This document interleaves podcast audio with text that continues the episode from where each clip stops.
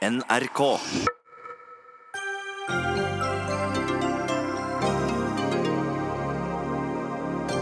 I Trondheim jobbet tidligere Arbeiderpartitopp Rune Olsø for en privat utbygger som ville ha boliger på et friluftsområde. I bystyret satt den gode vennen hans Geir Våge. Våge fikk beskjed av Olsø på SMS om hva Arbeiderpartiet skulle mene om utbygging av området. Arbeiderpartiet sørget for utbygging. I Trondheim har Arbeiderpartiet 41,5% oppslutning. Politikerne var litt for raske med å bruke Nasjonal transportplan som valgflesk, for nå sier Bane NOR at dobbeltspor på Østlandet bør utsettes ett til åtte år. Regjeringen vil sjekke om den virkelig må gå om Stortinget når det virkelig brenner, og den trenger å få, plass, få på plass lover fort. Og husk at oddsen har døgnåpent under hele OL. Spill her! Hilsen Norsk Tipping, som vel egentlig er satt til å forebygge negative konsekvenser av pengespill.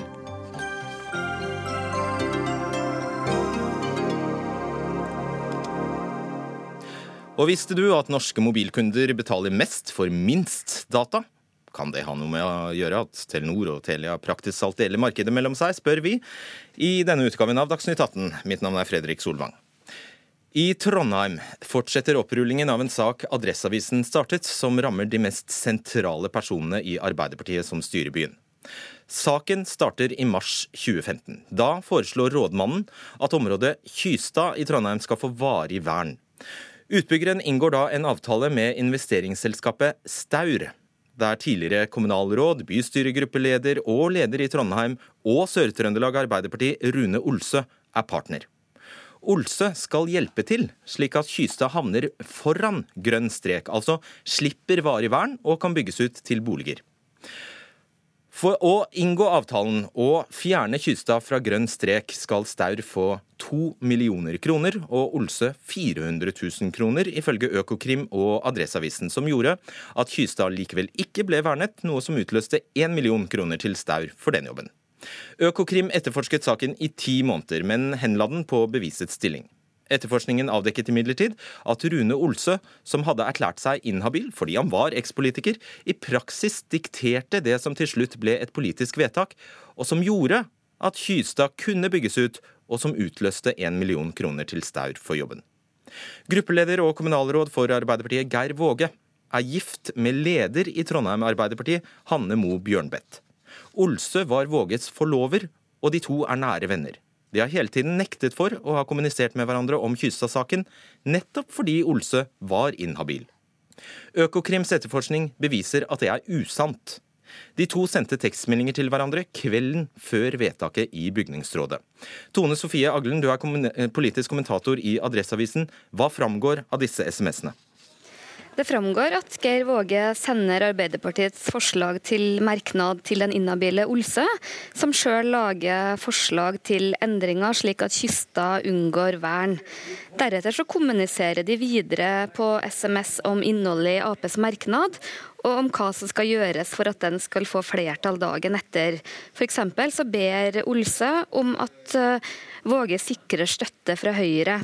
Deretter videresender eh, Våge Olses tekstinnspill som sine egne til Arbeiderpartiets gruppe, uten å opplyse om Olses innblanding, til tross for at han vet at Olse var inhabil i behandlinga av den saken. Så det er altså Olse, som er ekspolitiker, som da altså ikke har noen rolle i politikken, som sitter og dikterer teksten Våge framlegger for bygningsrådet, og Våge opplyser ikke om at dette er egentlig Olses tekst. Nei, Det er vanskelig å forstå denne korrespondansen på noen annen måte enn at det er Olse sjøl som formulerer merknaden, og ber Våge sørge for at den får flertall når den behandles politisk dagen etter. Trond Våge sa til dere i Adressa 23.3 i fjor jeg er så sikker som jeg kan bli på at jeg ikke har snakket eh, han ikke har snakket med meg om Kystad. Altså, da er han Rune Olse. Hvordan forklarer eh, Trond Våge seg nå? Han sier at han har glemt det, rett og slett. Eh, vi er jo ikke helt ukjent med at politikere sliter med å huske av og til. Eh, nå sier Våge videre at han mener at det er viktig at politikere lytter til alle innspill i demokratiet, og at det også gjelder innspill fra Rune Olse. Ja, Det må jo bety at eh, folk da, kan sende SMS-er til Våge med detaljerte forslag til formuleringer av politiske vedtak kvelden før et vedtak. Ja, Det har iallfall skjedd i denne saken, og det som gjør saken ekstra spesiell, er at Rune Olse hadde meldt seg inhabil i behandlinga av grønn strek pga. økonomiske interesser. Vi har vært i kontakt med både Våge og Olsø. Våge sier han ikke kan delta i Dagsnytt 18 pga. Svært en svært vanskelig familiesituasjon. Olsø vil ikke stille, han, men han sier at han er glad for at Økokrim har konkludert med at, han, at han har fulgt både loven og habilitetsreglene. Er det det vesentlige her? Ja, Det er i alle fall ikke alt. og De siste månedene så har vi jo virkelig fått illustrert at politikk handler ikke bare om juss, det handler først og fremst om tillit. Og I denne saken så har Arbeiderpartiets gruppeleder ikke fortalt hele sannheten om sin kommunikasjon med Rune Olse. Og Det er ekstra spesielt at en politiker som er inhabil og ikke deltar i den formelle behandlinga, i realiteten får diktere en merknad som gir direkte økonomisk uttelling i kassa til Olse sitt selskap. Og han har heller ikke oppgitt at han har interesser i Kystad. Og om det her ikke er formelt galt etter loven, så er det iallfall svært etisk betenkelig. Dagen etter vedtaket sender Rune Olsø en e-post til utbyggerne der det står var nok en klok strategi å gjøre det til et spørsmål om alle de inneklemte småområdene, hvorav Kystad da er ett. Og Olsø avslutter slik dermed kan vi gå videre med regulering nå. 10 til oss. Hva mener dere denne e-posten viser? 1-0 til oss, står det i denne e-posten. Ja, okay. ja, og den viser at Olses arbeidsgiver har hatt en avtale med utbyggerne, og at de har lyktes med å få kysta ut av verna områder, slik som de hadde avtale om. Og Det gjorde også at Olses arbeidsgiver kunne fakturere 1 million kroner for denne jobben. Gjermund Lykke, du er gruppeleder i Trondheim bystyre og kommunalråd for Kristelig Folkeparti. Du har tidligere sagt at du ikke skjønner hvordan Geir Våge kunne gjøre dette. Skjønner du noe mer nå? Nei, det er veldig vanskelig å forstå begrunnelsen for denne eh, eh, kommunikasjonen. Eh, når det som Tone Sofie Aglen sier, det, var, det handla om aktør som var inhabil i saken. og Hvorfor man da ville involvere denne så tett opp til partiets egne konklusjoner og forslag, er veldig vanskelig å forstå. Hva tror du at du forstår? Nei, jeg syns ikke det er noe grunnlag for å spekulere rundt akkurat det, annet enn at jeg er veldig skuffa over at eh, det som Adresseavisa jo grovd fram på en veldig eh, god måte, antyda at det måtte ha vært en kommunikasjon mellom disse to herrene kvelden før bygningsrådsmøtet. Det nekta de for.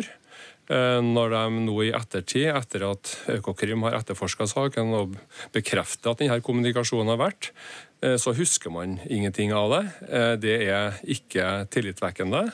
Og det er veldig beklagelig i et samarbeid som vi fram til nå har hatt som eh, godt og tillitsfullt. Ja, For de uinnvidde lyttere og seere, det er altså slik at dere styrer byen sammen med Arbeiderpartiet. Hva gjør det med din tillit til Arbeiderpartiet? Nei, vi skal ikke gjøre noe overila. Men det er jo som kjent sånn at tillit bygges millimeter for millimeter, men kan rives ned metervis. Eh, så det er klart at her har aktørene en vei å gå for å bygge opp igjen en tillit. Så den er brutt ned, altså?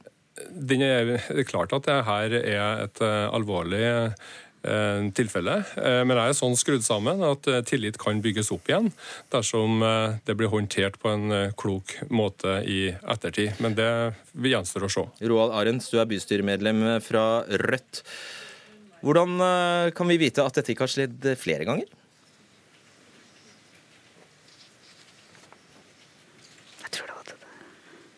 Roald Arends, er du med oss? Ja, jeg er med. Du er bystyremedlem fra Rødt. Hvordan kan vi vite at dette ikke har skjedd flere ganger? Tror du det har det? Jeg har ikke noen grunn for å si at det har det. altså. Men uh, som det er sagt her, når du er politiker, så må du forholde deg til flere retningslinjer enn uh, habilitetsregler. Og det Økokrim måtte finne er straffbart. Og Det som jeg håper er spesielle med denne saken, da, det er at vi ser en direkte lineær sammenheng mellom et politisk vedtak, utfallet av det, og egen økonomisk vinning. Og det er det som eh, Kan du si det på en eh, litt eh, mindre innpakket måte, en lineær sammenheng? Ja, altså det at, at, et politisk vedtak utløser en økonomisk belønning direkte til en politiker, som riktignok hadde meldt seg inhabil. Men i denne saken er det ikke nok å sitte stille i båten. altså. Man må forlate båten. Og Hvem skal man, forlate båten? Altså, det er jo tydelig at uh, Politikere som har meldt seg inhabil, i dette tilfellet Olse, har prøvd å påvirke båten, selv om han hadde hoppa på land og meldt seg inhabil i, uh, i saker hvor det har vært uh, Ja, I den båten sitter jo resten av Arbeiderpartiets bystyregruppa, da, hvor de er opptatt Geir Våge. Mm. Du, Etter Kystad-saken har Arbeiderpartiet gått inn for et forbud mot betalt lobbyvirksomhet. Dere har fått på plass et lobbyregister i Trondheim. Fungerer det? Jeg tror ikke det har eh, Det er såpass kort tid siden det ble iverksatt at eh, jeg har ikke noe grunnlag for å si om det har fungert eller ikke. Men eh, jeg er litt skeptisk, for vi politikere snakker jo med folk hele tida. Og det er ikke alt det går an å vedta regler for. Altså. Det etiske gangsynet det må man bruke et visst skjønn i uansett. Vil et lobbyregister kunne stanse denne typen SMS-er, Germund Lurke? Nei, jo, Jeg har vært skeptisk til et lobbyregister nettopp fordi at eh, jeg tror at det vil kunne bli veldig tett fulgt opp av alle dem som er samvittighetsfulle med det, men så vil det ikke bli fulgt opp like tett blant dem som kanskje har noen ting å skjule. Eh, det er umulig å, eh, å, vite om alt kommer på plass i et eh, sånt lobbyregister. Det viser jo erfaringene fra denne saken. Det måtte en politietterforskning til for at vi fikk tilgang til den kommunikasjonen som hadde vært der. Og jeg er fare for at ved et lignende tilfelle, om det skulle ha oppstått et lignende tilfelle etter at lobbyregisteret var innført, så ville ikke en sånn kommunikasjon være nedskrevet i lobbyregisteret. Ikke sant. Eh, ordfører Rita Ottervik vil heller ikke stille i Dagsnytt 18 i kveld. Eh, hennes eh, sekretær Mona Røstad sier Ottervik ikke vil svare på hvorfor hun ikke kan stille. Hun har sitat, 'ikke mulighet til å svare avse tid denne uka', ikke engang fem minutter til et intervju. Og på spørsmål om hun kan neste uke, svarer Ottervik at 'vi får komme tilbake neste uke'. Røstad sier at hun ikke får noen følelse av at Ottervik ikke vil stille. Eh, Tone Sofie, Tone Sofie Aglen, hvordan rammer denne saken Rita Ottervik? Selv om eh, Ottevik har uttalt seg kritisk til en sånn avtale, så rammer det her to av hennes aller nærmeste medarbeidere. Det gjør nok at mange stiller spørsmål ved hvordan politiske beslutninger fattes i Trondheim, og jeg tror nok at det kan svekke Arbeiderpartiets troverdighet. Hvor dominante er Arbeiderpartiet i Trondheim, og hvor sentral er eh, Geir Våge? Ja, Arbeiderpartiet er det fullstendig dominerende partiet i Trondheim. De har 41,5 av velgerne i ryggen og styrer en koalisjon med seks partier. Det er i realiteten nøkkelen til all makt i byen, og de får det som de vil i alle saker. Og Som gruppeleder så er Geir Våge byens nest mektigste politiker etter ordføreren, og helt sentral i gjennomføring av all politikk i Trondheim. Ville akkurat denne Kystad-saken ha fått et annet uh, politisk utfall uten Olsøs uh, SMS-kontakt med Geir Våge? Ja, Det blir jo en spekulasjon, men eh, det politiske utfallet kunne for så vidt blitt det samme, sannsynligvis da senere. Det viktige her er jo at da ville det ikke utløst en million til Olses arbeidsgiver Staur på dette tidspunktet. Og I utbyggingssaker så vet vi at tidsaspektet er viktig, og at dette vedtaket ga utbygger eh, trygghet på et tidlig tidspunkt for at kysta ikke ble verna. Gratulerer med avsløringen, eh, Tone Sofie Aglen, og takk til Geirmund Lykke og Roald Arendt. Dagsnytt 18 alle hverdager kl 18.00 på NRK P2 og NRK2. Nå til det politiske kaoset om jernbaneprosjektet som skal fornye togtransporten inn mot og ut fra Oslo, også kjent som intercity-utbyggingen. For i går anbefalte altså Bane Nor med stor N og stor O og stor R å utsette ferdigstillelsen av moderniseringen av togstrekningene på det sentrale Østbane, dere, østlandsområdet fra ett til sju-åtte år. Stortinget er kommet i en håpløs eh, situasjon. Prosjektet mangler politisk styring, mener Arbeiderpartiet. Men vi starter med deg, Gorm Frimannslund, konsernsjef i Bane NOR. Du vil ikke delta i debatt, derfor så får du noen, noen minutter her alene med meg. Utbyggingen av jernbanen på strekningene mellom Oslo og Hamar, Fredrikstad, Tønsberg, Hønefoss skulle stå ferdig i 2024. Dere overleverte altså deres anbefaling til Jernbanedirektoratet i går. Eh, hvorfor går dere inn for utsettelse? Altså det som nå har skjedd, er jo at vi har først Nasjonal transportplan, og så skal Jernbanedirektoratet lage et handlingsprogram som skal oppfylle den. Og vi kommer nå med våre faglige innspill til Jernbanedirektoratet. Og I det innspillet så har vi foreslått å ha noe spredning på de store utbyggingsprosjektene, sånn at vi først bygger Eh, i Vestfold i, og blir ferdig til Tønsberg i 2025. Så har vi Dovrebanen, så tar vi Østfold, og så tar vi Ringeriksbanen. Spredd noe i tid. Det gir en mye jevnere utbygging av det, bedre for entreprenørbransjen. Men det er også sånn at da slipper man dette med at du får stengt Oslo i veldig store perioder, hvor du blir stengt i flere retninger. Vi mener at når det gjelder Oslo, og dette kan sikkert alle som bor i Østfold bekrefte, altså det er en stor belastning når du har flere enn én retning stengt i forhold til Oslo. Så Vi tror dette er den riktige måten å gjøre det på. Du får en bedre passasjernytte på den måten. Det er den rekkefølgen vi gjør det. Så, så, foreslår vi også videre at når vi da skal begynne på ytre intercity, at vi da tar de strekningene først som gir størst utløsning av trafikk. Og Da har jeg tatt et eksempel. Eh, F.eks. at vi nå bygger til, eh, til Ottestad på oppover Dovrebanen. At vi da bygger Brumunddal-Dovrebanen etterpå, sånn at vi kan få halvtimesfrekvensene til Lillehammer. Da får vi mye bedre passasjertilbud. Da kan vi utløse det tidligere enn om vi skulle bygge parsell for parsell oppover i en eh, ren rekkefølge. Mm. Høres ut som en, for så vidt en ganske rimelig forklaring. Men si meg, er det ikke din jobb å melde inn hvilke strekninger dere kan bygge ut til hvilken pris før politikerne vedtar Nasjonal transportplan?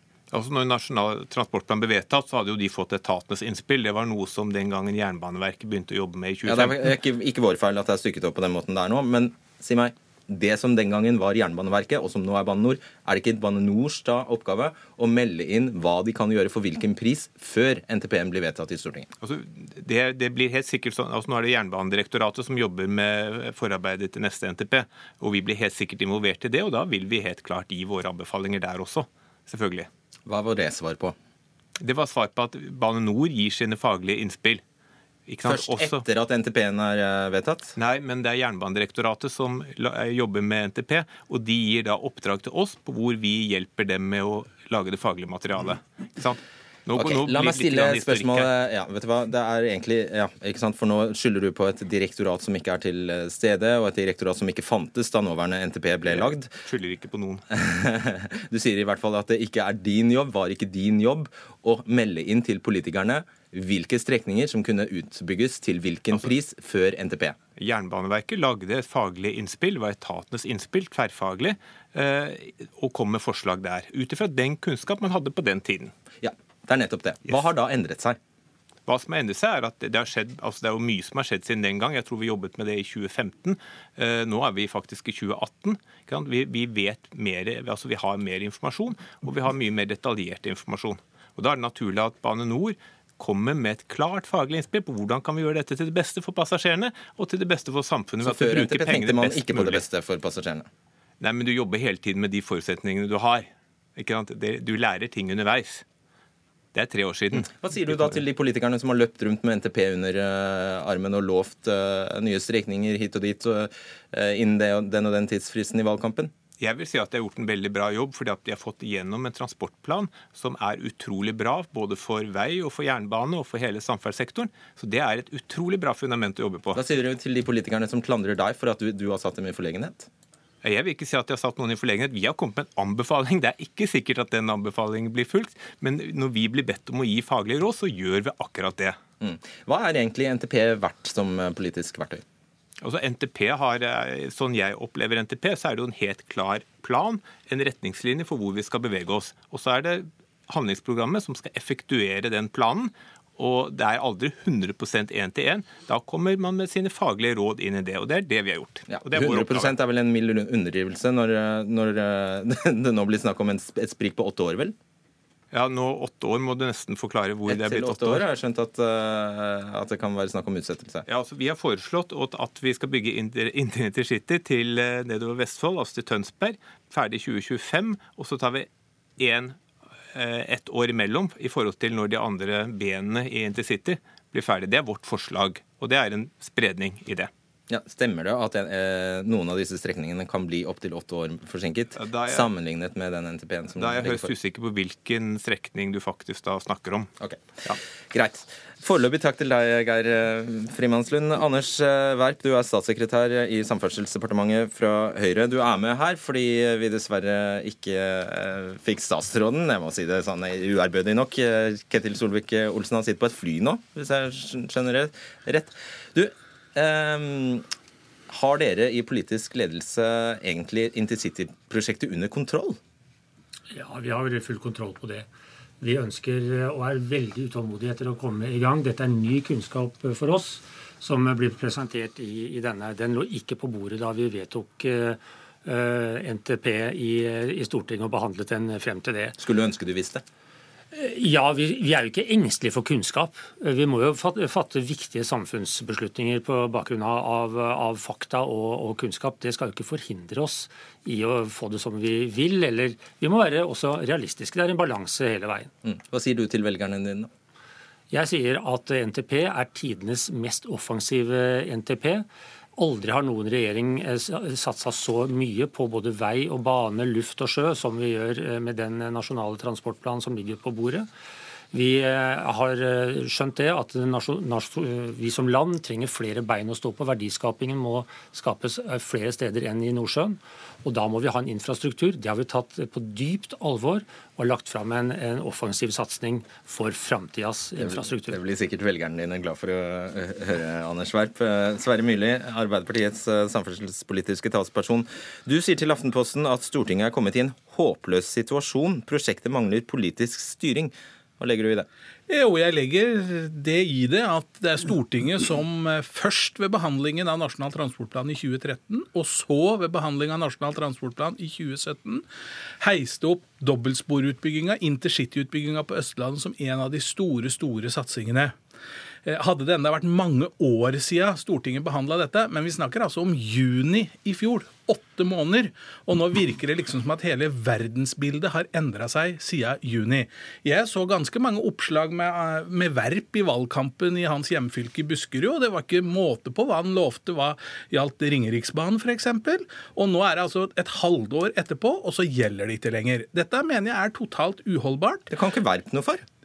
Verp kan noe for hva han har lovt. og Han må nå sørge for... Han kan ikke noe for at Bane Nor Nei, kommer med nye prognoser? Nei, men da må han sette skapet på plass. Jeg klandrer ikke Bane Nor. Jeg klandrer ikke Jernbanedirektoratet og alle mulige etater og, og, systemer vi nå har innenfor jernbanen, men det er politisk ledelse i Samferdselsdepartementet, samferdselsministeren, statssekretæren, som her ved min side sitter, som kan skjære gjennom og si at det Stortinget har sagt, det gjelder. Det er ikke Bane Nor som bestemmer dette. Det er departement og storting som skal bestemme bestemme jernbaneutbyggingen i Norge. Så jeg er litt ja. overraska at statsministeren, unnskyld, statssekretæren ikke benytter, ikke benytter anledningen til bare å skjære igjennom og si at det Stortinget har lagt til grunn, det gjelder fortsatt. Kan dere bare gjøre det, Verp? Jo, det har vi gjort gjentagende ganger. Stortingets eh, vedtak gjelder. Vi legger det til grunn, men vi har nå fått ny kunnskap på bordet. Og vi er ikke en regjering som baserer oss på drømmer. Vi må ta inn over oss den kunnskapen. Og så, og så, og så skal det nå behandles ja. på god måte i Jernbanedirektoratet. Anders skal hvis det går Frimannsrund sier nå, så gjelder ikke det stortingsvedtaket som, de tidsfristene som, som, ligger i stortingsvedtakene. Det er jo det som er sakens kjerne. Det er, et, det er en innstilling, ikke en konklusjon. Og så skal vi, så skal vi jobbe seriøst med dette. Det jeg kan garantere, Eh, det er at de innspillene blir tatt på alvor i Jernbanedirektoratet. Og den skal bli sendt på høring, slik at alle som blir berørt, skal få uttale seg. Og Det gir et ja. veldig bredt bilde av men, hvordan men, denne saken men, står. Altså er, og så skal vi fatte grunnlag den beslutningen. Det er regjeringa som legger fram Nasjonal transportplan til Stortinget. Det er regjeringas dokument. Du kan jo ikke her sitte og si at det er drømmer. Det står jo i Nasjonal transportplan, som kom i fjor vår, under et år sia, at dobbeltsporet til Fredrikstad, til Hamar eh, og til Tønsberg skal stå ferdig i 2024. Du kan ikke nå sitte og si at det er drømmer. For meg høres det i hvert fall mer ut som et mareritt, slik som du nå presenterer. Willy Fransen, du er leder i Pendlerforeningen i Follo og eh, Østfold. Ta dette litt ned for oss, er du snill. Hva, er, hva blir konsekvensene av det Frimannslund eh, her varsler? Nei, det er helt, helt Unnskyld meg, patetisk å høre på. fordi nå har jeg jobbet i 20 år med, med, med Østfoldbanen. Eh, min forgjenger jobbet også i 20 år. Og vi har opplevd og sett både kvalitetsplaner og det hele florere rundt. Det har vært Planene har vært klare, de har bedt om penger, men ikke fått penger. Det er merkelig at man snakker penger, og man snakker om hvordan man skal gjøre det optimalt. Syns du det er rart man snakker om penger? Ja, det syns jeg absolutt Alt er rart. Alt handler om penger. Ja, riktig. Eh, når man har 8500 milliarder på bankbok, så snakker man penger i, når det gjelder prosjekter. Det er ikke prosjektene det er snakk om. Det er mennesker som skal fram og tilbake mellom arbeid og sitt hjem. I dag så skal de eh, hjem frem eh, Vi har studieplasser, studiestudenter som ikke rekker forelesninger. Vi har mennesker som skal avløse i kassa på hvor De kommer ikke tidsnok. Vi har en angst blant, blant mennesker for å ikke rekke avtaler de har med barna sine. Altså. Og så sitter man her og snakker om Eh, en, en, en, form for Ja, vi kan strekke oss lenger og lenger ut. Eh, vet du hva vi reagerer på? Hvorfor i all verden kan Stortinget sitte og si at det er regjeringen som har ansvar? Stortinget vedtar at Norge skal kjøres etter kontantprinsippet. Hadde vi gjort det med Bergensbanen, så hadde det gått okay. aldeles gærent. Vær, vær, vær, snill, vi må finansiere ting i Norge. Vi kan ja. ikke sitte her og vente på at uh, dere skal få, få, få uh, strekt ut tid, slik at uh, vi, vi, vi, kommer langt ut. Frimannslund, jeg lovte deg for så vidt at du skulle slippe å delta i debatt, og det løftet står jeg ved. Men det var en ting jeg, ikke, jeg glemte å komme innom. fordi en god del av begrunnelsen deres for, for denne, dette forslaget er nettopp hensynet til passasjerer. Kan ikke du bare utdype hvorfor? Fordi det høres jo rart ut at det er av hensyn til passasjerene at dette skal ta lengre tid. Altså Hvis vi nå skulle ha det sånn at vi ble ferdig med veldig mange prosjekter i 2024, så ville vi oppleve perioder hvor Oslo S er stengt i flere retninger samtidig. Det er ikke mulig å kjøre så mange busser til og fra Oslo S. Altså Passasjerene er tjent med at vi har en god trafikkavvikling i det daglige også. Derfor så bør vi ta og ha noe spredning på det, sånn at vi greier å stokke denne veldig vanskelige kabalen i samarbeid med andre på best mulig måte. Da skjønner vi det. Sverre Myrli, uh, vet du hvor mange ganger eh, du viser selv til Ringeriksbanen? Vet du hvor mange ganger Ringeriksbanen skulle ha vært utbygget uh, i de tidligere NTP-ene? Veldig mange. Ja, hvor mange? Nei, det er det, Antallet klarer jeg ikke å si, men det er veldig mange. Nå, nå, hadde jeg vir virkelig trua på at vi skulle komme Fem, i gang. Ja, ikke sant? Fem ganger har, ligget, nei, har Ringeriksbanen ligget inne i NTP-ene siden 2001, faktisk. Eh, og nå er det altså planlagt igangstart eh, i, innen, eh, i løpet av de fire første årene av denne NTP-en, altså innen 2022. Men alt avhenger av statsbudsjettene. Det det forteller oss, er at NTP-ene de er, ingen, de er ingen håndfast plan for utbygging. Det vet du òg. Ja, altså Alt avhenger jo av budsjettene, selvfølgelig. Sånn er det hvert år. Men, men, men, men de, siste, de, siste, de siste periodene nå så har jo Stortinget fulgt opp Nasjonal transportplan ja, med penger. Det ja, men det har vært sånn nå tre ganger i alle fall, og bra er det. Tre, fra 2005 så har nasjonalt økonomiske rammen i Nasjonal transportplan blitt fulgt opp. Og det, jeg, det, håper jeg at vi skal gjøre også i denne perioden.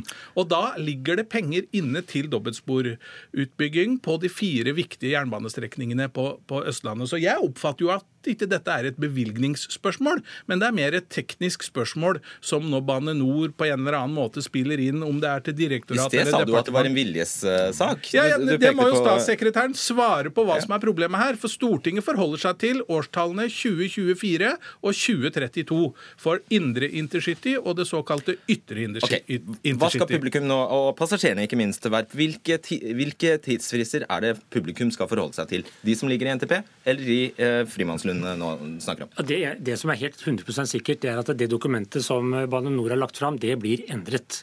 Eh, og Det baseres bl.a. på innspill fra de reisende, fra kommuner, ordførere og andre som, som har et eierskap til resultatet.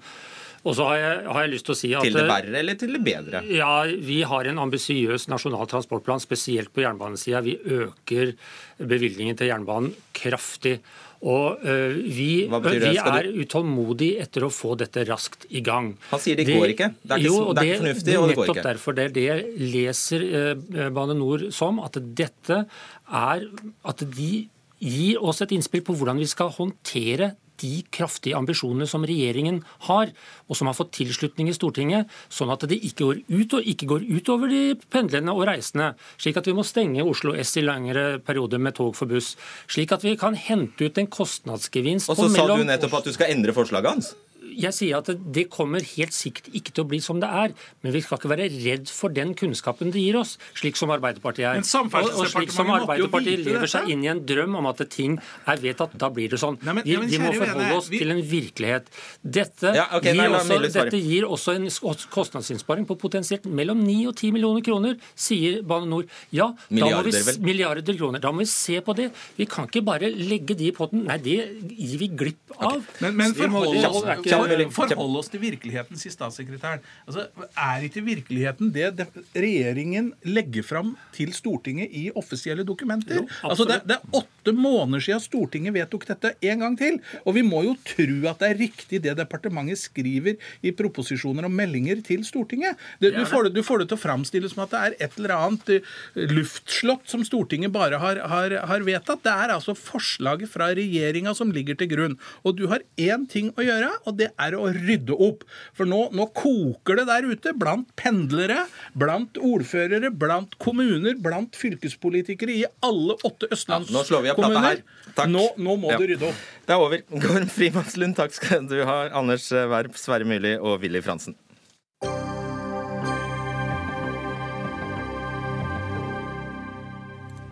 Nå skal det handle om det prinsippet vi ikke tenker på så mye i hverdagen, men som er nokså vesentlig for måten Norge og andre demokratier styres på, nemlig maktfordelingsprinsippet. Det som handler om at det er Stortinget som vedtar lover, og regjeringen som utfører dem. Nå vil regjeringen finne ut om de ikke i noen tilfeller kan slippe bryderiet med Stortinget, og i stedet lage lover selv. Jon Wessel-Aas, advokat, styreleder i Den internasjonale juristkommisjonen i Norge. Du kaller eh, dette faktisk demokratisk latskap. I, ja, jeg gjør det. Nå, Ja, gjør det. nå, nå har du ikke forklart for lytterne eller seerne hva det dreier seg om, men eh, Det overlot jeg til deg. ja, da må jeg bare nesten begynne med at vi, vi har eh, dagens lovgivning, og det har vi hatt siden etter annen verdenskrig, så har vi noe som heter beredskapsloven, som altså gjør slik at hvis Norge er i krig eller en lignende akutt situasjon, altså hvor selve våre demokratiske institusjoner trues, da finnes det lovgivning som gir regjeringen myndighet til å gi lover utenom Stortinget. Stortinget kan jo f.eks. være satt ut av funksjon i en sånn situasjon. Um, og, og det har vi da hatt siden, og det lever vi på en måte med. Det er det vi kaller konstitusjonell nødrett. Altså når, når du må bruke la oss si, udemokratiske eh, midler for å forsvare selve demokratiet. Ellers så er jo ordningen vår i Grunnloven at det er Stortinget som er lovgiver, og som programlederen sa, eh, regjeringen som er utøvende makt. Nå har altså regjeringen ikke kommet med et forslag som sådan, men de har eh, oppnevnt et utvalg som skal utrede hvorvidt regjeringen også i fredstid skal ha tilsvarende fullmakter. Altså at man skal fravike Grunnlovens ordning om at det er Stortinget som gir lover eh, i forskjellige eh, tenkte krisesituasjoner. Ja, Og og den da du kommer med den snertne spissformuleringen 'demokratisk latskap'. Ja, øh, ja ikke, jeg, jeg mener at det er, jo, det, er jo, det, er jo, det er jo spørsmål om det i det hele tatt er i samsvar med, med Grunnloven å gi den typen lovgivning når det ikke er konstitusjonell nødrett. Men, men latskapen her den går på at eh, regjeringens konkrete eksempel, det, det som blir fremhevet, det var den store flyktningstrømmen vi hadde i 2015 hvor vi jo fikk en strøm via Storskog oppe i, opp i Finnmark. Det er et type scenario regjeringen viser til som en krise da, som skal være nærmest like stor som når vi står overfor akutt fare for krig, til at regjeringen skal få den typen fullmakter.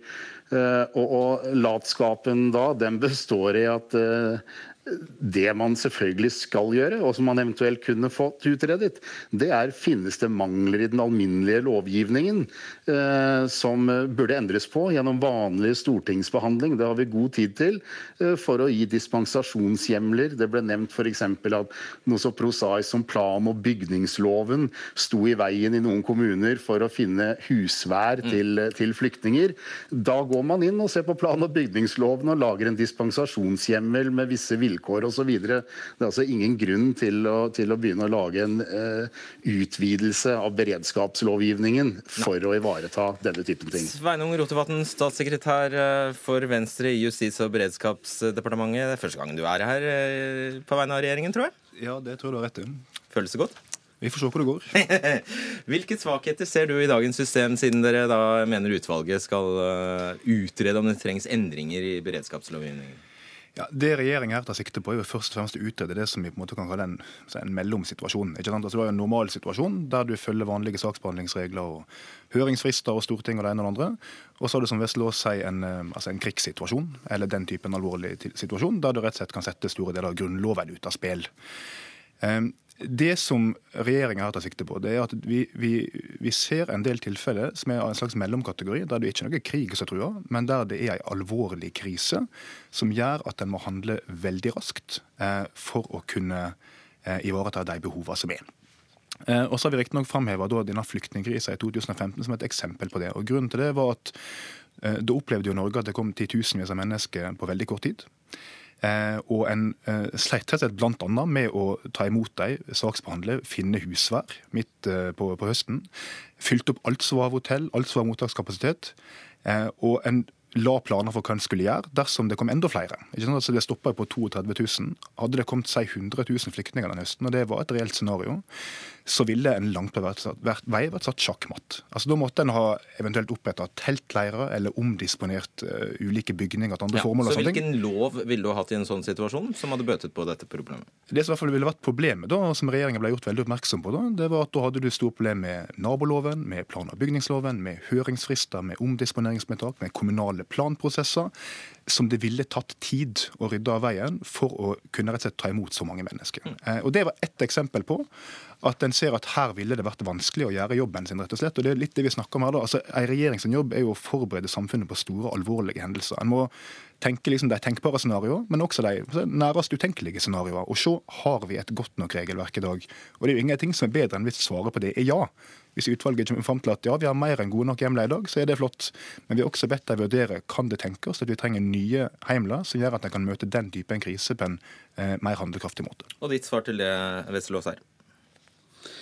Altså, Slik Rotevatn eh, resonnerer nå, så, så, er det, så, så, er han faktisk på vei til å begynne å si noe mye mer fornuftig enn hva sjefen hans har gjort. Fordi det er jo det han peker på nå, det er jo nettopp ting man løser ved F.eks. han nevner 2015. Eh, ja, en sånn situasjon igjen. Da så man jo hvilke problemer hadde man. Ja, det var nabolov, det var plan- og bygningslov osv. Ja, da gjør man nettopp det. Da går man til Stortinget. Det har man hatt snart tre år på nå, uten at man har gjort det, for så vidt. Da går man til Stortinget og sier i plan- og bygningsloven, i naboloven, så trenger vi en dispensasjonshjemmel for myndighetene, for kommunene, i situasjoner som man da beskriver, som vil fange opp sånt, til å kunne gjøre unntak fra eh, vanlige regler om arealbruk eller bruk av lokaler som er regulert til noe annet enn bolig osv. Eh, dette, er jo helt, dette er det Stortinget og regjeringen skal drive med generelt i samfunnet. Finne ut om lovgivningen er god nok. Eh, det er jo ikke det denne utredningen går på. Den går jo ut på å be et utvalg om å vurdere om regjeringen skal gis en, en, generell, en generell lov som gir regjeringen adgang til å gjøre unntak fra maktfordelingsprinsippet, gi lover selv, og i tillegg lover mm. som opphever eller suspenderer enkeltindividers rettigheter, det er noe helt annet enn å gå og endre plan- og bygningsloven eller andre lover, slik vi normalt gjør. Og Det er jo den typen utredning man eventuelt burde få. Her begynner man med å hugge løs på grunnleggende prinsipper i Grunnlovens maktfordeling, før man en gang har gått rundt og utredet hva man kan gjøre av endringer i den alminnelige lovgivningen. Stemmer det virkelig, Rotevatn, at dere har ikke engang, eh, dere har ikke engang forsøkt å endre alle disse lovene du ramset opp? Eh, som problemer i 2015? Det som er tanken til regjeringa sitt, uh, sitt, utvalg her, det er jo at den skal se på Stemmer det? Du listet opp en rekke lover nå som, være, som, som var utfordrende å takle med dagens, uh, med dagen, med, med en sånn, i en sånn krisesituasjon jo. som den vi opplevde i 2015. Også påpeker Wessel Aas at dere har ikke engang tatt dere bryet med å endre, prøve, prøve, å endre disse lovene. Stemmer det? Jo, altså En kunne tenke seg at en la inn særskilte hjemler i plan- og bygningsloven, i naboloven, i kommuneloven osv. Det er jo en av tingene det utvalget skal se på. Er det, Skal vi legge inn slike særskilte hjemler, eller skal vi ha en mer sektorovergripende hjemmel? Fordi at en ikke nødvendigvis vet hva problem som vil oppstå når eh, det utenkelige skjer. Eh, og så nevner han enkeltpersoner sine rettigheter. Altså Det kan jo handle om rettigheter til bl.a. Eh, til klaging, til eh, høringsrunder. Men det kan også handle om si, ja, hvis Norge blir rammet av en alvorlig pandemi, da, ikke sant, med en alvorlig smittsom sykdom som bryter ut, den har veldig dårlig tid, og en må omdisponere helseressurser raskt for å møte det. Mm. Kan en da tenke seg at en må nedprioritere en del lovfesta pasientrettigheter som ikke er eh, vesentlige? Mm, da har vi smittevernlovens paragraf 712, du vet det? Ja, jeg vet det, men det kan godt tenkes at du har en del lovfesta lovfesta rettigheter som er ikke, ikke vesentlige, altså ikke grunnleggende, som, eh, like, som på tross av det eh, vil måtte møtes av det offentlige hvis en ikke endrer loven. Og så kan en selvfølgelig tenke seg at en gjør sånn som Vestlås sier, at en går til Stortinget. altså Det er det ville måtte gjøre i dag. Eh, og Stortinget kan for så vidt handle raskt de, altså, når de får runden over seg. Eh, men det vil likevel ta en viss tid. altså Det vil ta noen uker i stedet for noen dager. og Av og til så kan en kanskje ha noen dager. Men det som skal sies, som er veldig viktig å understreke, det er at utvalget sitt mandat er innrammet av Grunnloven, av internasjonale konvensjoner. De kan ikke gå utover det. og Regjeringa har ikke tatt stilling til noe som helst ennå. Utvalget skal få jobbe først, og så får vi se hva regjeringa kommer til å mene om de forslagene som eventuelt kommer. Ja, tre selvsagtheter på slutten der, eh, må jeg si. Vesselås, eh, bare to ord om sammensetningen av eh, utvalget, for det reagerer du også på. Ja, altså, Jeg og, og, noen andre har jo, reagerer jo ikke på, på, personene eller på kompetansen. Det man har reagert på der, er at, er at med unntak av lederen av utvalget, så er det øvrige utvalget er jo da Eh, statsansatte eller eh, vel, tidligere karriereansatte i staten, nemlig tidligere regjeringsadvokat. Og Problemet er ikke at de er der, problemet er at det ikke er noen representanter for det sivile samfunnet og fra fagmiljøene der. Og, og det, det, hadde vært normalt uh, med et så kontroversielt mandat som dette utvalget er gitt. Ja, svar på det kort. Ja, altså jeg er ikke at utvalget sitt mandat er så kontroversielt. Den kan selvfølgelig være uenig i sammensetninga, men nå gjør vi altså det her på en, mønstergyldig måte. Ikke sant? Vi setter et offentlig utvalg, vi skal ha offentlig høring, der Wessel Aas og alle andre kan og jeg er helt sikker på kommer til å ytre seg.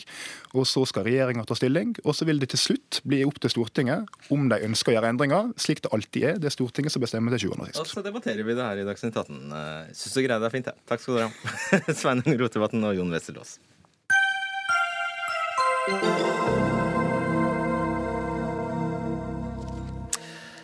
Utenlandske pengespillselskaper som Betson, Unibet og Common har tidligere blitt beskyldt for å være kyniske og operere i grenseland av hva norsk lov tillater. Norsk Tipping, som har monopol i Norge, og som følger strenge norske reguleringer, er minst like kynisk, mener norgessjef for Common. Ok, Stian Røsvik Bjørstad, norgessjef i Common. Hva er det ved denne reklamen du reagerer sånn på? Ikke minst bare det. Men eh, altså, vi reagerer jo nødvendigvis på at det nå ligger seg nærmere og nærmere opp til oss. Eh, og at skillelinjen mellom eh, det som blir definert som utenlandske spillselskap og Norsk Tipping, blir mindre og mindre. På hvilken måte legger de seg nærmere dere? Altså, De prater mer produkt, nå er det mer døgn. Nå er det også dette med at de, de, altså de har jo sine egne innskuddsbonuser nå. Altså Hvis du spiller Lotto første gang, så kan du bli med i trekning. Som også har vært litt sånn kontroversielt. Ja, det, uh, OK, jeg skjønte ikke hva det mm. altså Det betyr at uh, for, hvis du aldri har spilt lotto før, så får du et insentiv til å spille lotto første gang. Et lokkemiddel? Riktig. Ah, okay. uh, Åsne Havnelid, administrerende direktør i Norsk Tipping. Hvordan vil du betegne den reklamen vi nettopp så? Jeg vil aller først si litt om det tredelte samfunnsoppdraget som Norsk Tipping har. Det vet jeg ikke om jeg skal tillate deg. Ja, ja men det at vi, for det henger sammen. Det at vi skal ha attraktive, konkurransedyktige spill, men i ansvarlige rammer, og der alt overskuddet går tilbake til frivilligheten og gode formål i samfunnet. Og nettopp det du viser til, til her Vi har nå et OL i Sør-Korea som eh, store deler av det norske folk eh, heier på utøverne der. Og en del har også lyst til da å ha den underholdningen de gir, og spille på hvem som vinner. Og det er klart at Hvis vi ikke hadde synliggjort dette, så hadde vi ikke gjort jobben vår. For nettopp det at vi skal ha attraktive spill, så de som ønsker å spille, skal velge det regulerte markedet i Norge og innenfor ansvarlige rammer, og ikke dotcom-selskapene i utlandet. Du husker ikke hva jeg spurte om engang? Jo, du spurte om hva jeg syns om den reklamen. Ja, Hvordan vil du betegne den? spurte han. Nei, jeg mener at det er en del av eh, jobben vår. At vi må synliggjøre våre produkter på lik linje som de uregulerte aktørene gjør. Men det er faktisk forbudt i Norge. Så du er enig i at denne er ganske lik den reklamen som altså går for utenlandske spill? Nei, det er jeg ikke enig i. Okay. Hvordan skiller den seg, da? Den skiller seg med at her er det de som spiller hos Norsk Tipping, som aktivt har samtykket til å motta sånn reklame. Enten på SMS eller eh, det du så her, er jo også vist på TV. Men vi er faktisk er regulert i Norge og har lov å vise TV-reklame. De uregulerte aktørene har ikke den samme tillatelsen til å vise det i Norge. Det er en ganske vesentlig forskjell, ja, Stian Bjørsa, Bjørstad, at eh, de er lovlige, du er ikke det. Ja, Vi har ikke regulert av den grunn at Norsk Tipping skulle skille seg fra oss, da. Eh, som jo er et stort paradoks her, som du sikkert vil fram til. Eh, både på produkt og måten man markedsfører seg. Eh, vi vil jo påstå at vi er underlagt et mye strengere regime hva gjelder markedsføring enn hva Norsk Tipping er. Altså Vi har f.eks. ikke lov til å vise barn eller noen under 25. Vi er nødt til å passe oss med hvordan vi legger oss til behavior og andre patterns, og må legge oss til rette til et engelsk reglement som er mye strengere, egentlig. Ja. Poenget til Havnely var vel egentlig at du har faktisk egentlig ikke lov til å sende reklame i Norge. Det Ja, det kan vi diskutere høst. Jeg, jeg har jo også lyst til å si at selv om selve sportsspillene ikke er så ulike, om det er hos oss eller hos dotcom-selskapene, så er selve innpakningen og ansvarlighetsregimene helt annerledes. Det at vi har maksimale tapsgrenser, vi har nei takk-liste. Eh, ja, altså det hvis du ikke ønsker å motta informasjon, hvis du har reservert deg f.eks., så, så gjør jo ikke vi det. Litt som om du hadde sagt at nå vil jeg ikke gå på Vinmonopolet lenger. Men så begynner de å sende meg mailer og si at du kan komme innom og foreta en test allikevel. Det er litt sånn jeg opplever de uregulerte aktørene, mens vi har helt andre ansvarlighetsrammer. Så det ristet vel på hodet? Skotse? Ja, nei, altså, det, samtlige av de ansvarlighetstiltakene som ble nevnt der, har vi. Altså Utstengelse, 18 års aldersgrense hadde vi mange år før osv. Altså samtlige. Remo Sjonfjell, du er tidligere lottovert på NRK. Du spilte bort alle pengene du tjente i Norsk eh, Tipping. Hva syns du om den reklamen vi nettopp så? Nei, eh, det er jo en eh, litt annen måte å tenke på enn det Norsk Tipping har hatt tidligere. Og jeg ser jo da at de nærmer seg, men fortsatt så er de med på to forskjellige planeter, Norsk Tipping og bettingbransjen, som, eh, som han nevner her. At de begynner å nærme seg. Det sier jo bare Han innrømmer jo at de er veldig aggressive i sin markedsføring. Det er klart, eh, det Norsk Tipping ønsker å si med den eh, reklamen her, er jo at du, er, du kan spille når som helst eh, og på hva som helst, eh, også hos Norsk Tipping. Men eh, nå skal det sies i rettferdighetens navn at Norsk Tipping er på en annen planet enn bettingselskapene. Selv om de eh, har tatt et lite steg ut eh, på en mer aggressiv linje. For noen som er tilbøyelig til å like spill, da, hvor eh, mye rykker det i foten når eh, Norsk Tipping kommer med et sånt budskap som dette her? Ikke veldig mye i foten min lenger, men uh, altså jeg syns det er litt mer humor i den eh, reklamen til, uh, som Norsk Tipping har, kontra det som bettingbransjen har. Bettingbransjen går direkte på lommeboka mi og tilbyr meg uh, penger å spille for. Hvis jeg setter inn 100 kroner, skal jeg få 500 kroner oppå å spille for. Og Det er ikke sånn Norsk Tipping opererer. Det å tatovere en løve på halsen når du har Det er jo sånn vi, det, det er garderobeprat på en måte i den reklamen. Åsne Hanneli, dere har sendt ut en SMS til Ja, Du kan først svare på hvor mange som har fått SMS-en, og hvem? Jeg kan si De som har fått den, er de som aktivt har samtykka til å motta eh, SMS-er fra Norsk Tipping. Mm. Denne her er det ca. en tredjedel av sportsspillerne våre som eh, har fått. Ja. Og her står det endelig starter OL i Pyeongchang. Tar Bjørgen Lekenes første OL-gull i skiatlon i morgen? Spill her. Og så er det kolon og en lenke. Husk at oddsen har døgnåpent hele OL. Med vennlig hilsen Norsk Tipping. Hva vil Ja. du si? Hva er det dere oppfordrer til her? Jo, det er klart at Vi mener jo at de som da ønsker å spille, de skal da vite at vi har et tilbud hos Norsk Tipping. Nå går OL i Sør-Korea. Det er åtte timers eh, døgnforskjell. Timeforskjell. Eh, Det går mange spennende øvelser om natta. Jeg mener at vi hadde ikke gjort jobben vår. For de uregulerte aktørene de har oppe døgnet rundt. Vi har det nå kun i denne 14-dagersperioden. Sånn at folk da, hvis de har lyst til å spille, så skal de velge eh, regulert spill i Og du Norge. ser ikke et eneste dilemma med dette her. Her er det Nei, rett og slett. Vi skal være attraktive og konkurransedyktige, men i ansvarlige eh, rammer. Og det mener jeg at vi er. Og her er det kun de som aktivt har sagt ja takk til å motta sånne henvendelser. Eh, ikke nødvendigvis denne typen henvendelser, det har vi sjekket. Jo, den, eh, den, har jeg sjekket opp i dag, jeg også. Ja, men Du kan ha sagt ja til å motta SMS-er, men ikke nødvendigvis av den typen her. Nei, men ja. Spesifikt så har de aktivt gitt sitt samtykke, og ikke et passivt samtykke. Og det er stor forskjell på de to tingene. Stian eh, Røsvik Bjørsø, hva syns du om Det er jo smart, da? Sende ut sånne SMS-er? Jo, ja, Norsk Tipping tar etter oss. Det har hentet mange ansatte fra spillbransjen. Så det, det syns vi er helt greit. Men uh, påpeke et par ting. Altså en ting altså at uh, Vi også er regulert, for første. Og samme regler gjelder også her for oss. Og så er jeg litt inn på humor. med. altså, vårt chill og spill, altså vårt, må jo være humor i. Altså Vi også er jo gått den veien at uh, vi tvinger jo ikke folk til å spille. Det handler jo om moro og Jon Carew og chill og spill, liksom. Remo Sjomfjell, hvilken ende har dette egentlig, hvis Norsk Tipping ser seg nødt til å ta i bruk flere av virkemidlene som de internasjonale selskapene eh, bruker for i det hele tatt å appellere? Nei, jeg tror faktisk at de folkevalgte i Norge må, må, gjøre det de kan for å regulere markedet, sånn som en stor andel av den norske befolkningen faktisk ønsker. De ønsker en streng eh, regulering av spill i Norge. Og at eh, den utenlandske bookmakerbransjen ikke respekterer det, det, det, er jo klart det, det, er, det, er, problematisk. men og man klarer ikke, og Det med IP-stenging og sånn tror jeg ikke har noe for seg. Men uh, hadde det vært opp til meg, så hadde vi uh, gjort det rett og slett forbudt å spille hos dem. Men uh, det får vi antageligvis ikke til pga. EU-regler og alt mulig dill og dall.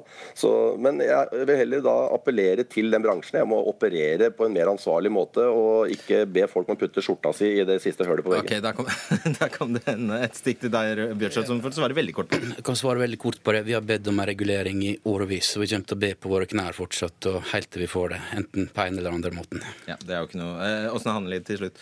Eh, det står i tilsynsrapporten fra Lotteritilsynet adgangen til å møte konkurransen fra uregulerte aktører kan imidlertid nå snakker man om Norsk Tipping, kan imidlertid ikke gå på bekostning av hensynet til å forebygge spillavhengighet. Jeg har lyst til å gjenta spørsmålet. Jeg ser du ingen paradokser? Vi forholder oss hele tiden, hele tiden, til eh, den reguleringen vi har, og til våre eiere og politikere. 91% av all spillreklame er fra uregulerte aktører. Og vi er opptatt av at uh, de som ønsker å spille, at de skal spille i regulerte, ansvarlige, trygge rammer. Og nå ga vi vel dere begge mm, mer reklame enn dere fortjener, antar jeg. Takk skal dere ha. Håkon Dyrnes Nei, hva sier jeg? Eh, Åsne Hannelid, eh, Stian Rødsvik Bjørsa og Remo Sjonfjell. Hør Dagsnytt 18 når du vil. Radio NRK Radio.nrk.no. I Finland kan du betale 212 kroner per måned for et mobilabonnement med ubegrenset mobildata. Til sammenligning bruker en typisk nordmann 2,3 gigabyte mobildata i måneden og betaler 244 kroner. Faktisk bruker norske mobilkunder mindre mobildata, men betaler mer for abonnementene sine enn svenske, danske og finske naboer, ifølge en undersøkelse gjort av analysebyrået T-Efficient. Håkon Dyrnes, administrerende direktør i Komplett eh, Mobil, Telenor og Telia har til sammen Tallet kan man være noe uenig om, men i hvert fall 85% av mobilmarkedet eh, i Norge. Og i en kronikk i Aftenposten i dag kritiserer du dette duopolet, og mener det fører til det jeg beskrev nå. På hvilken måte da? Ja, for konkurransen er, altså Dette er svak konkurranse. Tar du privatmarkedet, så har faktisk eh, duopolet noe 92,3% av omsetningen. Så det er en vanvittig markeds, markedsandel. Denne svake konkurransen mener vi medfører høye priser som beskriver at det er 50% høyere enn våre naboland. Og høye priser medfører også lav bruk. At vi bruker halvparten så mye data som f.eks. Sverige og, en sjettel av Finland. Mm. Og Det er problematisk, for det gjør tror vi at mange kunder tenker seg om to ganger før de bruker telefonen, og det kan bremse digitaliseringen. For det er om å gjøre med å bruke mest data, eller? Nei, Vi tror jo også at Telenor er veldig opptatt av eh, at man skal bruke data, og at Norge skal være en spydspiss i digitaliseringen. Og Da mener vi det er en utfordring.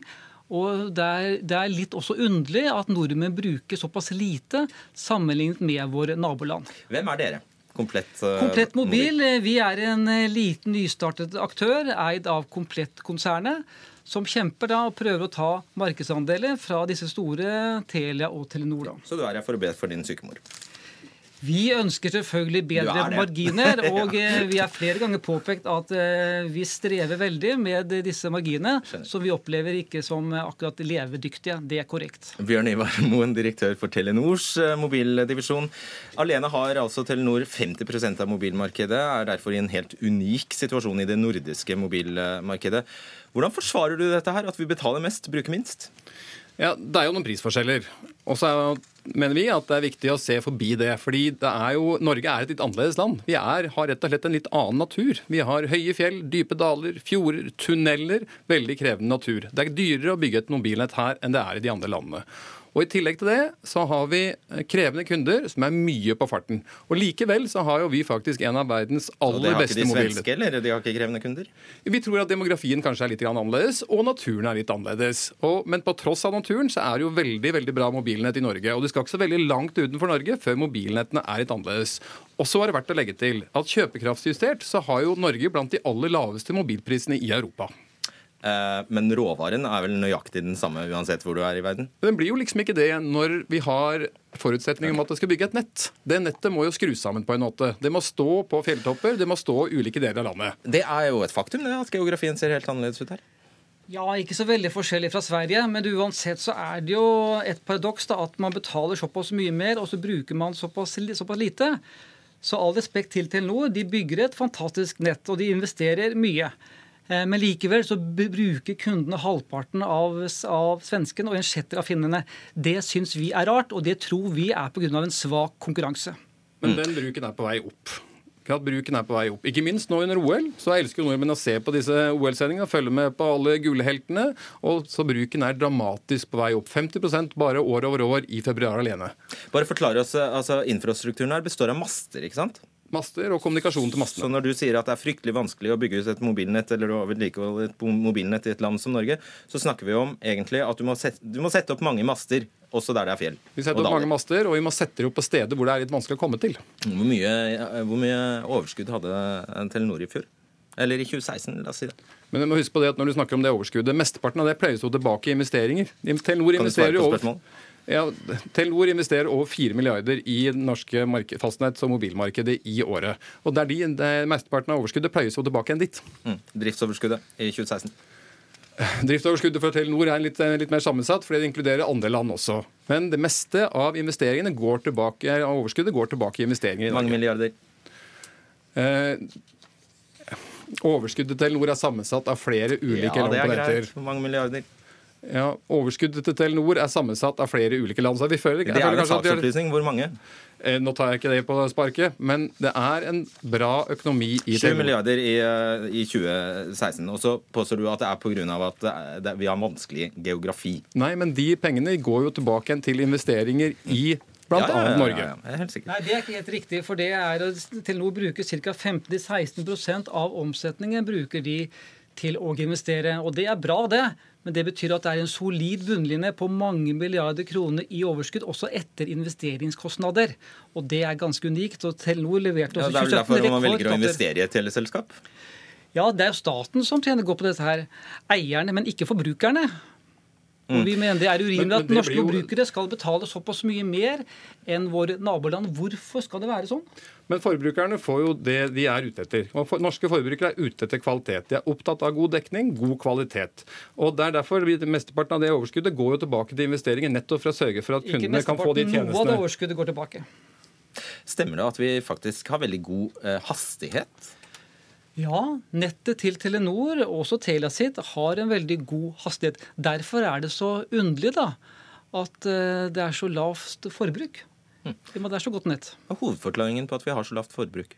Men det er sammensatt av flere ting. Det kommer litt an på hva slags fastnettsdekning man har hatt i landene opp gjennom historien også, som er bl.a. annerledes i Finland.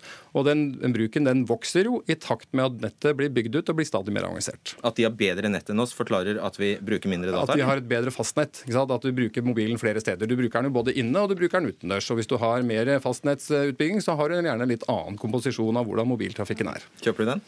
Nei, altså fastnettet i Sverige er, er jo bedre. Eh, Fastnettet i Sverige har en høyere hastighet enn fastnettet i Norge. Og også pen pen penetrasjonen i bredbånd i Sverige er bedre enn i Norge. Så det forklarer ikke hvorfor svenskene skal bruke såpass mye mer data enn det vi gjør i Norge. Ok, vi må Jeg så du ville si noe, men tiden vår er ute. Takk skal dere ha, Håkon Dyrnes og Bjørn Ivar Moen. Dette var det siste vi rakk å si i Dagsnytt 18 i dag, for sendingen er over. Eh, Og nå står det bare tull på skjermen min, men det var i hvert fall Dag Dørum, Marianne Myrhol og Fredrik Solvang som hadde ansvaret for denne sendingen. Vi ønsker god kveld.